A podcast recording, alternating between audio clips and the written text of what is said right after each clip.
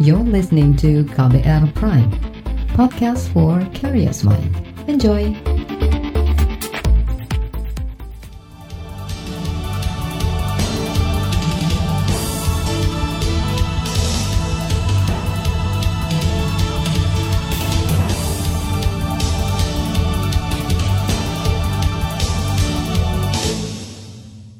Selamat pagi saudara, senang sekali kami bisa menjumpai Anda kembali melalui program Buletin Pagi edisi Rabu 17 Juni 2020. Bersama saya, Naomi Liandra. Kami telah menyiapkan sejumlah informasi terkini di antaranya Kementerian Pendidikan siapkan strategi pembelajaran jarak jauh di masa pandemi. Bunga hutang negara naik akibat COVID-19. Kasus positif meningkat, Pemprov Jawa Tengah lakukan tes cepat massal. Inilah Buletin Pagi selengkapnya. Terbaru di Buletin Pagi. Kementerian Pendidikan dan Kebudayaan mengklaim memonitor persiapan pembelajaran jarak jauh atau proses belajar dari rumah terutama bagi siswa yang berada di daerah zona merah dan daerah tertinggal, terluar, dan terpencil. Direktur Pendidikan Sekolah Dasar di Kementerian Pendidikan dan Kebudayaan Sri Wahyuningsih mengatakan sejumlah strategi pembelajaran jarak jauh telah disiapkan. Di antaranya melalui kunjungan guru ke rumah murid, pembelajaran menggunakan materi di internet, radio, dan televisi hingga penyesuaian kurikulum. Untuk beberapa daerah yang memang tidak memungkinkan BDR dengan melakukan PJJ dengan segala keterbatasannya, eh, guru-guru memberikan eh, layanan dengan melakukan guru kunjung, kunjungan ke sekolah atau ke beberapa kelompok anak dengan eh, tetap mengedepankan protokol kesehatan. Kemudian yang melakukan pembelajaran jarak jauh juga bisa mengakses link-link yang memang sudah disiapkan oleh pemerintah. Pembelajaran jarak jauh juga tidak uh, melulu harus mengikuti apa yang ada di kurikulum. Direktur Pendidikan Sekolah Dasar Kemendikbud Sri Wahyuningsih menambahkan, dalam pembelajaran jarak jauh sangat dibutuhkan kolaborasi antara dinas pendidikan dan guru dalam memberikan fasilitas kepada siswa untuk belajar dari rumah. Terutama yang memiliki masalah seperti infrastruktur jaringan telekomunikasi, listrik, hingga internet. Sementara di daerah dengan akses terbatas seperti Papua, proses belajar mengajar dari rumah di tengah pandemi COVID-19 berjalan tidak maksimal. Misalnya, sekolah di Kabupaten Jaya Wijaya yang masuk dalam zona merah COVID-19 di Papua tak bisa menerapkan sistem pendidikan daring atau secara online kepada siswa. Sekretaris Dinas Pendidikan Jaya Wijaya, Bambang Budiandoyo mengatakan, kegiatan belajar mengajar secara online atau daring di Papua tidak bisa terlaksana karena terkendala akses internet. Pembelajaran jarak jauh hanya bisa memanfaatkan media Radio Republik Indonesia atau RRI dan TVRI. Itu pun terbatas pada keluarga yang memiliki televisi atau radio. Daring tidak Pak, karena di Wamena kan akses internet terbatas. Kita kondisikan belajar dari RRI, kita kerjasama dengan RRI dan WVI untuk memberi materi di RRI. Televisi juga di daerah kota tetap kita manfaatkan karena ada akses televisi pendidikan dan itu kita sudah informasikan ke kepala sekolah agar meneruskan ke anak-anak orang tua juga supaya melihat TVRI yang menyiarkan acara-acara pendidikan. Sekretaris Dinas Pendidikan Jaya Wijaya, Bambang Budiandoyo menambahkan, sebelum penerapan belajar dari rumah, Dinas Pendidikan Jaya Wijaya juga menginstruksikan sekolah-sekolah memberikan tugas kepada siswa untuk dikerjakan di rumah. Untuk menghadapi tahun ajaran baru, Dinas Pendidikan Jaya Wijaya tetap menggunakan metode offline atau luring karena terkendala akses internet. Salah satu sekolah di Papua yang kesulitan menyelenggarakan pembelajaran daring adalah SMA Negeri 1 Wamena. Kepala SMA Negeri 1 Wamena, Yosep Wibisono mengatakan, selain jaringan internet tidak memadai, tidak semua murid mempunyai telepon seluler. Sebenarnya kendala banyak, apalagi kami di Wamena ini kan serba minimalis. Jaringan ini juga menjadi kendala. Yang kedua latar belakang anak-anak kami di sini kan tidak seperti di kota besar. Yang kedua situasi rumah yang tidak kondusif. Nah ini sebenarnya kendala. Tapi apa pun yang terjadi, ibarat orang katakan bahwa langit boleh runtuh, bumi terbelah, tapi pendidikan ini kan harus jalan. Kepala SMA Negeri 1 Wamena, Yosep Wibisono menambahkan, Selama pandemi COVID-19, sekolah memberikan tugas kepada siswa melalui grup WhatsApp. Namun karena tidak semua murid memiliki akses telepon seluler, mereka terpaksa tetap ke sekolah untuk mengumpulkan tugas dengan langsung datang ke sekolah. Ia meminta pemerintah memperbaiki kualitas jaringan internet dan memberi bantuan kepada keluarga siswa yang kurang mampu agar anaknya bisa mengikuti pembelajaran daring. Komisi Bidang Pendidikan di DPR mendesak pemerintah untuk memperbaiki sarana prasarana pendidikan di sekolah terutama yang tidak memiliki akses internet dan listrik. Minimnya akses internet dan listrik membuat banyak sekolah kesulitan menyelenggarakan kegiatan belajar mengajar jarak jauh. Wakil Ketua Komisi Pendidikan DPR Hetifah Syafudian mengatakan bahwa momentum pandemi COVID-19 harus dimanfaatkan pemerintah untuk memperbaiki dan meningkatkan sarana prasarana sekolah, terutama di daerah terpencil. Banyak sekali ya, saya kira karena Indonesia itu begitu luas dan kondisinya juga secara geografis maupun keberadaan sarana prasarana ya bukan hanya fasilitas atau akses internet yang memadai, tapi juga bahkan listrik gitu ya di sebagian uh, wilayah tuh masih belum tersedia. Eh, masih ada 40 ribu sekolah dan wilayahnya yang belum terakses uh, internet. Wakil Ketua Komisi Bidang Pendidikan DPR Hetifah Syefudian menambahkan kondisi geografis Indonesia yang sangat luas membuat ada sekitar 40 ribu sekolah masih belum terakses jaringan internet. Bahkan ada sekolah yang belum mendapat akses listrik. Hetifah juga mengatakan Kementerian Komunikasi dan Informatika meningkatkan akses teknologi bagi sekolah untuk mendukung pembelajaran jarak jauh. Sementara Federasi Serikat Guru Indonesia FSGI menilai pembelajaran jarak jauh di zona merah maupun kuning saat pandemi COVID-19 menyisakan banyak permasalahan. Wakil Sekretaris Jenderal FSGI Fahriza Tanjung mengatakan, pemerintah seharusnya fokus membenahi pembelajaran jarak jauh, seperti persoalan akses internet hingga penerapan kurikulum sebelum diimplementasikan pada tahun ajaran baru 2020. Nah, di kemarin itu sepertinya kita terlalu fokus uh, pada ini ya pada pelaksanaan pembelajaran secara luring. Padahal sebenarnya pembelajaran secara daring ini juga masih menyisakan banyak masalah gitu masih menyisakan banyak persoalan. Jumlahnya lebih banyak sekitar 57 juta lebih. Itu nah ini uh, konsekuensinya mereka harus belajar PJJ sementara kami juga pernah melakukan survei bahwa PJJ ini tidak efektif dilaksanakan bahwa e, persoalannya itu adalah persoalan uh-huh. akses kemudian persoalan kurikulumnya Wakil Sekretaris Jenderal FSGI Fariza Tanjung menuturkan belum meratanya jaringan internet dan kelengkapan alat komunikasi menjadi kendala pembelajaran di zona merah terluar dan terpencil di tanah air. Begitu juga kurikulum di Indonesia belum memadai untuk kegiatan pembelajaran jarak jauh. Padahal menurut Fahriza, Angka belajar daring cukup tinggi yakni 57 juta anak Indonesia atau 94 persen dari total anak sekolah Indonesia. DPR meminta masukan dari masyarakat mengenai pembahasan RUU haluan ideologi Pancasila. Informasinya usai jeda. Tetaplah di Buletin Pagi KBR. You're listening to KBR Pride, podcast for curious mind. Enjoy!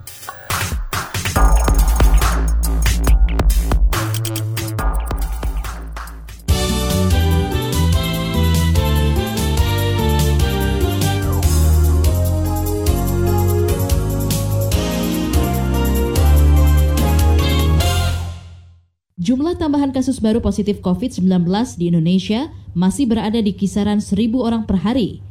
Juru bicara pemerintah untuk penanganan COVID-19 Ahmad Yuryanto mengatakan, hingga selasa siang terjadi penambahan 1.106 kasus positif baru.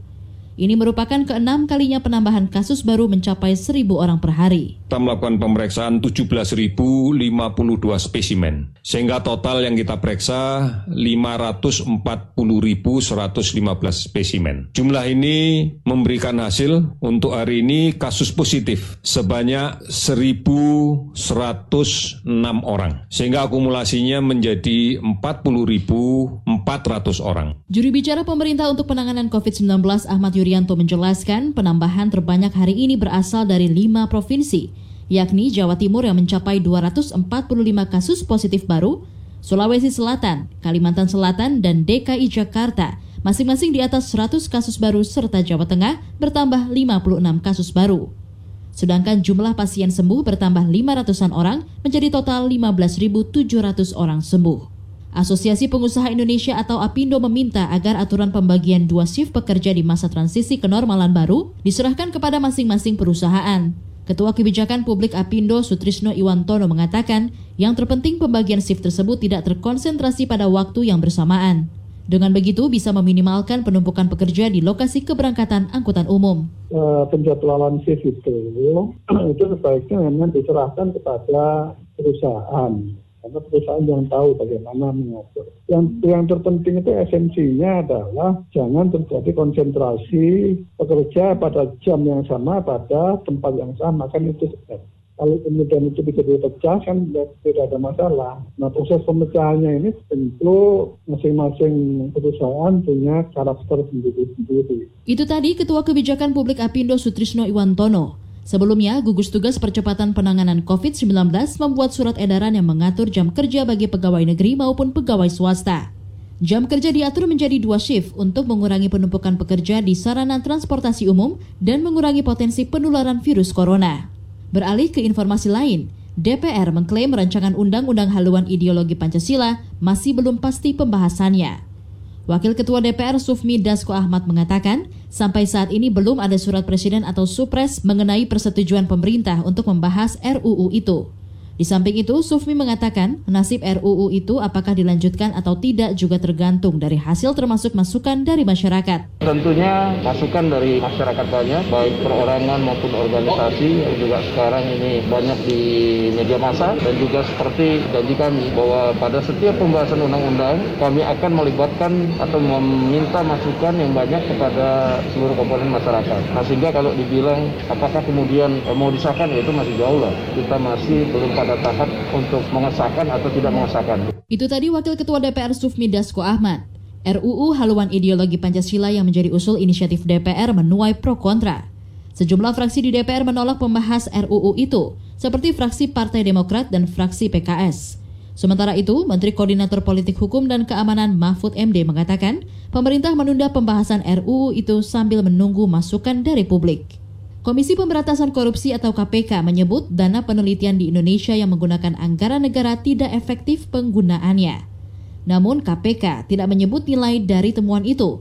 Wakil Ketua KPK, Nurul Gufron mengatakan, KPK juga menerima pengaduan dari masyarakat mengenai penelitian fiktif, penelitian tumpang tindih, hingga pengenapan dana penelitian. Kami menemukan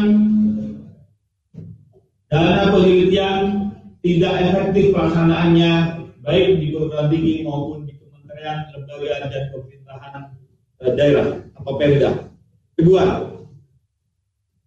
beberapa barang penelitian di dua di dua perguruan tinggi yang tidak akuntabel. Jadi kami menemukan beberapa eh, barang di negara yang merupakan aset ataupun eh, eh, dana hasil dari dana penelitian. Wakil Ketua KPK Nurul Gufron menegaskan KPK tetap akan memantau pengelolaan dana penelitian dalam negeri. Gufron beralasan lembaga penelitian di Indonesia tersebar dari pusat hingga daerah tanpa ada regulasi. Hal itu menyebabkan anggaran tersebar dan tidak terhitung secara real. Data dari Kementerian Riset dan Teknologi menyebut data penelitian di Indonesia secara hitungan kasar mencapai 30-an triliun rupiah. Beralih ke informasi ekonomi, Defisit anggaran pendapatan dan belanja negara atau APBN 2020 yang meningkat akibat wabah COVID-19 turut menyebabkan kenaikan jumlah bunga utang negara. Menteri Keuangan Sri Mulyani Indrawati mengatakan, bunga utang negara meningkat 14,7 persen. Hal itu disebabkan adanya penambahan dana untuk beberapa bidang seperti sosial dan kesehatan. Jadi kalau dari sisi komposisi belanja, memang ini adalah komposisi yang memang diinginkan, yaitu belanja untuk yang non esensial di luar bansos dikendalikan dan sebagian atau sangat besar belanja itu fokusnya adalah membantu masyarakat. Kenaikannya 30,7 persen dibandingkan tahun lalu. Belanja non KL lainnya yang tentu saja dengan defisit yang meningkat, kita meningkat juga pembayaran bunga utang kita naik 14,7 persen. Menteri Keuangan Sri Mulyani mengatakan kenaikan anggaran bantuan sosial di tahun ini cukup besar dibanding tahun lalu, yakni mencapai 78,9 triliun rupiah. Penambahan dana bansos dilakukan sebagai pengaman sosial bagi masyarakat dan pengusaha agar tidak terjadi pemutusan hubungan kerja atau PHK besar selama masa pandemi COVID-19. Saat ini defisi APBN sebesar 179 triliun rupiah atau 1,01 persen dari pendapatan domestik bruto atau PDB. Indeks harga saham gabungan atau IHSG kemarin kembali perkasa setelah beberapa hari mengalami anjlok. Pada perdagangan Selasa kemarin, indeks dibuka di posisi 4.816 dan langsung melejit ke posisi di atas 4.900 sebelum ditutup sore hari pada posisi 4.986. Penguatan juga terjadi di semua bursa saham utama Asia, Eropa, dan Amerika Serikat, di mana indeks Nikkei Tokyo mengalami penguatan paling tajam mencapai 4,8 persen. Sementara itu, perdagangan mata uang rupiah juga menguat tipis. Nilai tukar rupiah menguat 0,31 persen ke posisi 14.070 rupiah per 1 dolar Amerika Serikat. Kita ke informasi mancanegara. Selandia Baru kembali mencatat dua kasus baru virus corona. Padahal tiga pekan lalu Selandia Baru menyatakan diri terbebas dari COVID-19. Kementerian Kesehatan Selandia Baru dalam pernyataan mengatakan dua pasien perempuan itu tiba di Selandia Baru untuk mengunjungi kerabatnya yang meninggal. Keduanya melakukan perjalanan dari Inggris melalui Australia pada 7 Juni lalu. Staf Kesehatan Masyarakat di Selandia Baru juga tengah menguji dan mengisolasi satu anggota keluarga tambahan yang beresiko terpapar, termasuk orang-orang yang menggunakan maskapai yang sama dari Brisbane. Hingga saat ini, Selandia Baru mengkonfirmasi 1.156 kasus virus corona. Laporan khas KBR tentang suka duka petugas pemulasaran jenazah pasien COVID-19 akan hadir usai jeda. Tetaplah di Buletin Pagi KBR. You're listening to KBR Pride, podcast for curious mind. Enjoy!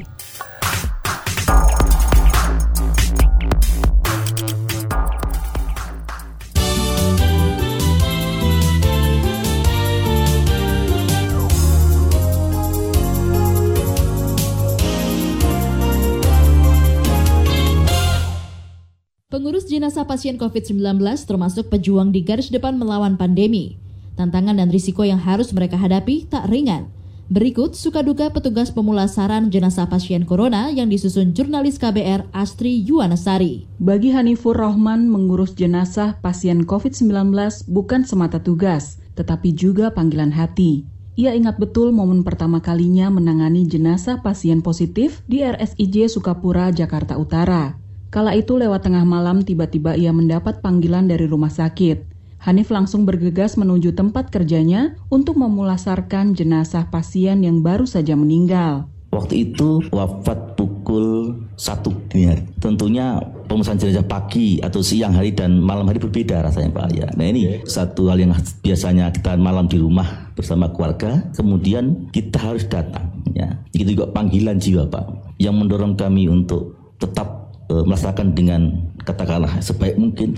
Hanif mengakui tak nyaman mengenakan alat pelindung diri lengkap selama mengurus jenazah. Namun prosedur itu harus dijalankannya demi mencegah risiko penyebaran virus. Memang kalau tidak pernah APD yang begitu ketat Pak, hmm, ya, ya tidak nyaman. Terasa ya seperti robot Pak ya. Mohon maaf, mau ke kamar kecil saja terasanya wah tahan dulu gitu. Tahan Pak. dulu ya. Tahan dulu demi nangan itu dulu. Penolakan dari keluarga pasien menjadi tantangan berat yang dialami Hanif selama bertugas. Pihak keluarga biasanya ngotot meminta jenazah pasien dibawa pulang dan dimakamkan seperti biasa.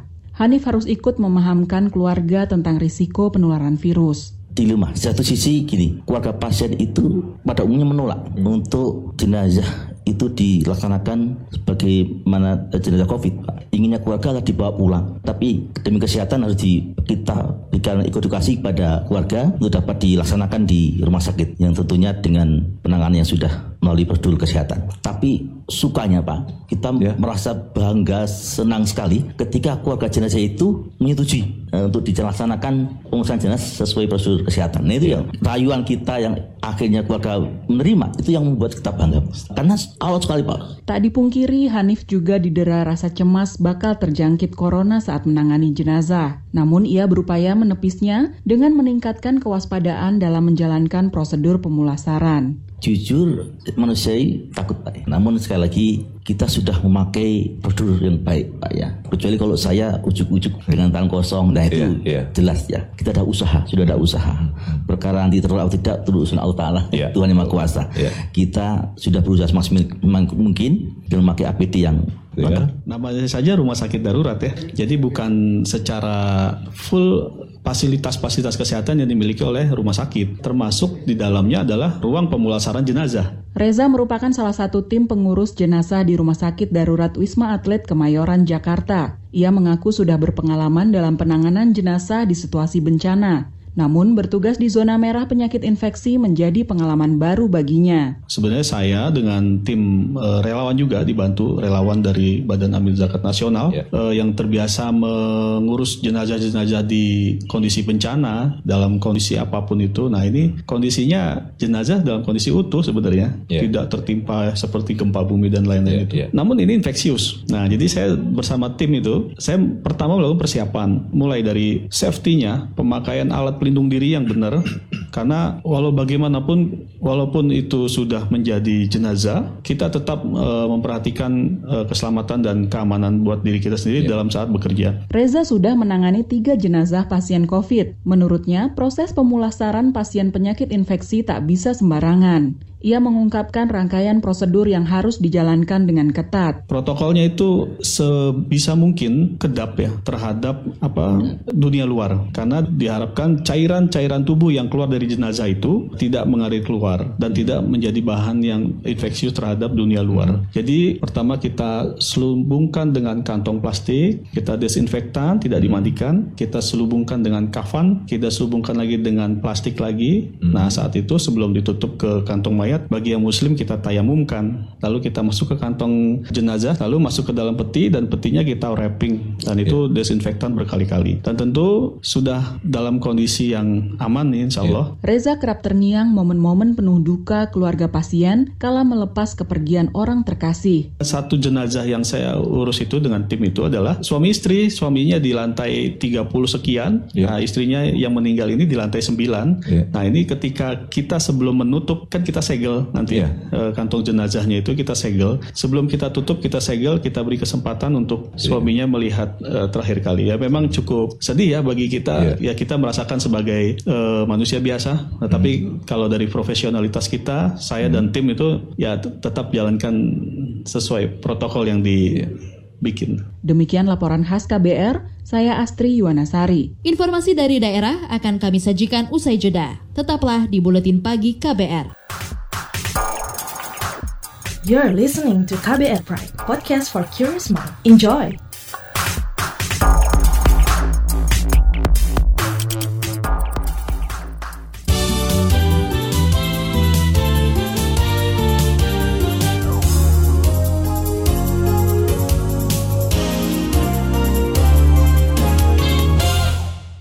Inilah bagian akhir buletin pagi KBR.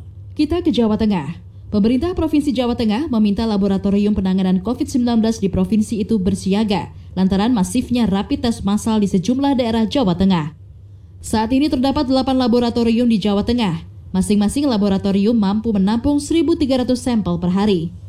Gubernur Jawa Tengah Ganjar Pranowo mengatakan, grafik kasus warga yang positif COVID-19 di Jawa Tengah meningkat, terutama di Kabupaten Kendal dan Temanggung data yang dari Pak Bupati lebih bagus, data yang dari Pak Bupati lebih progresif, maka ini kategorikan uh, merah. Penataan-penataan potensi riset terbaru, yang kedua kita lakukan rapid test massal, rapid test massal, tapi kalau sudah ketahuan reaktif seperti Pak Bupati kemarin langsung di PCR ya Pak ya, langsung di PCR, maka kita lab-lab kemarin sudah saya rapatkan, semua lab sekarang harus siaga, maka kapasitas lab kita sebenarnya cukup, tinggal kita apa namanya bekerja jauh lebih cepat. Gubernur Jawa Tengah Ganjar Pranowo mengatakan peningkatan kasus positif terjadi setelah pemerintah memaksimalkan pelacakan kontak pasien COVID-19. Sebelumnya terdapat tiga daerah di Jawa Tengah yang masih masuk dalam zona merah yakni Semarang, Magelang, dan Demak. Kebakaran lahan gambut di Aceh Barat belum bisa dipadamkan meski sudah berlangsung dua pekan. Kebakaran kini meluas hingga 2,4 hektar. Kepala Pelaksana Badan Penanggulangan Bencana Daerah atau BPBD Aceh Barat, Muhtarudin mengatakan, kebakaran lahan gambut di Kecamatan Meoreobo itu sulit dipadamkan karena angin kencang dan cuaca panas.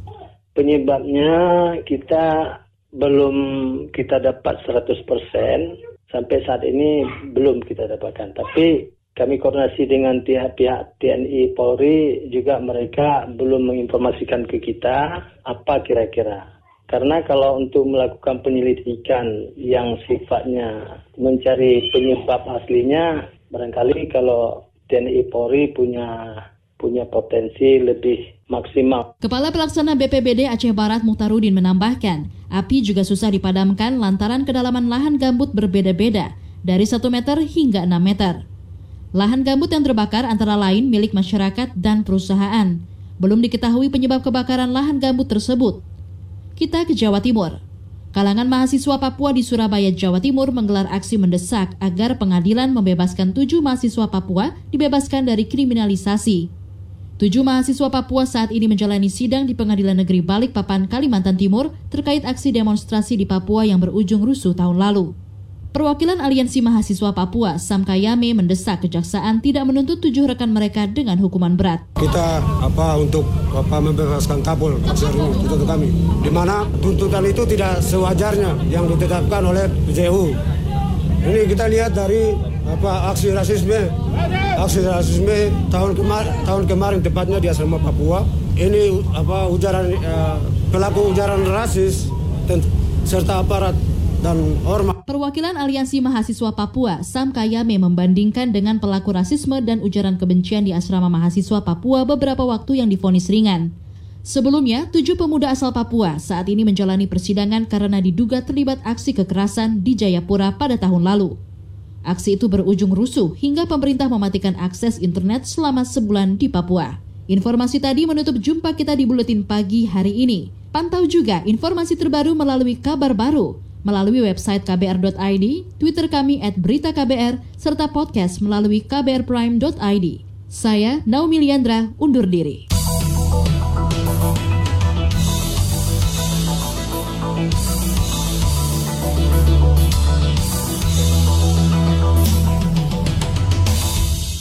KBR Prime, cara asik mendengar berita.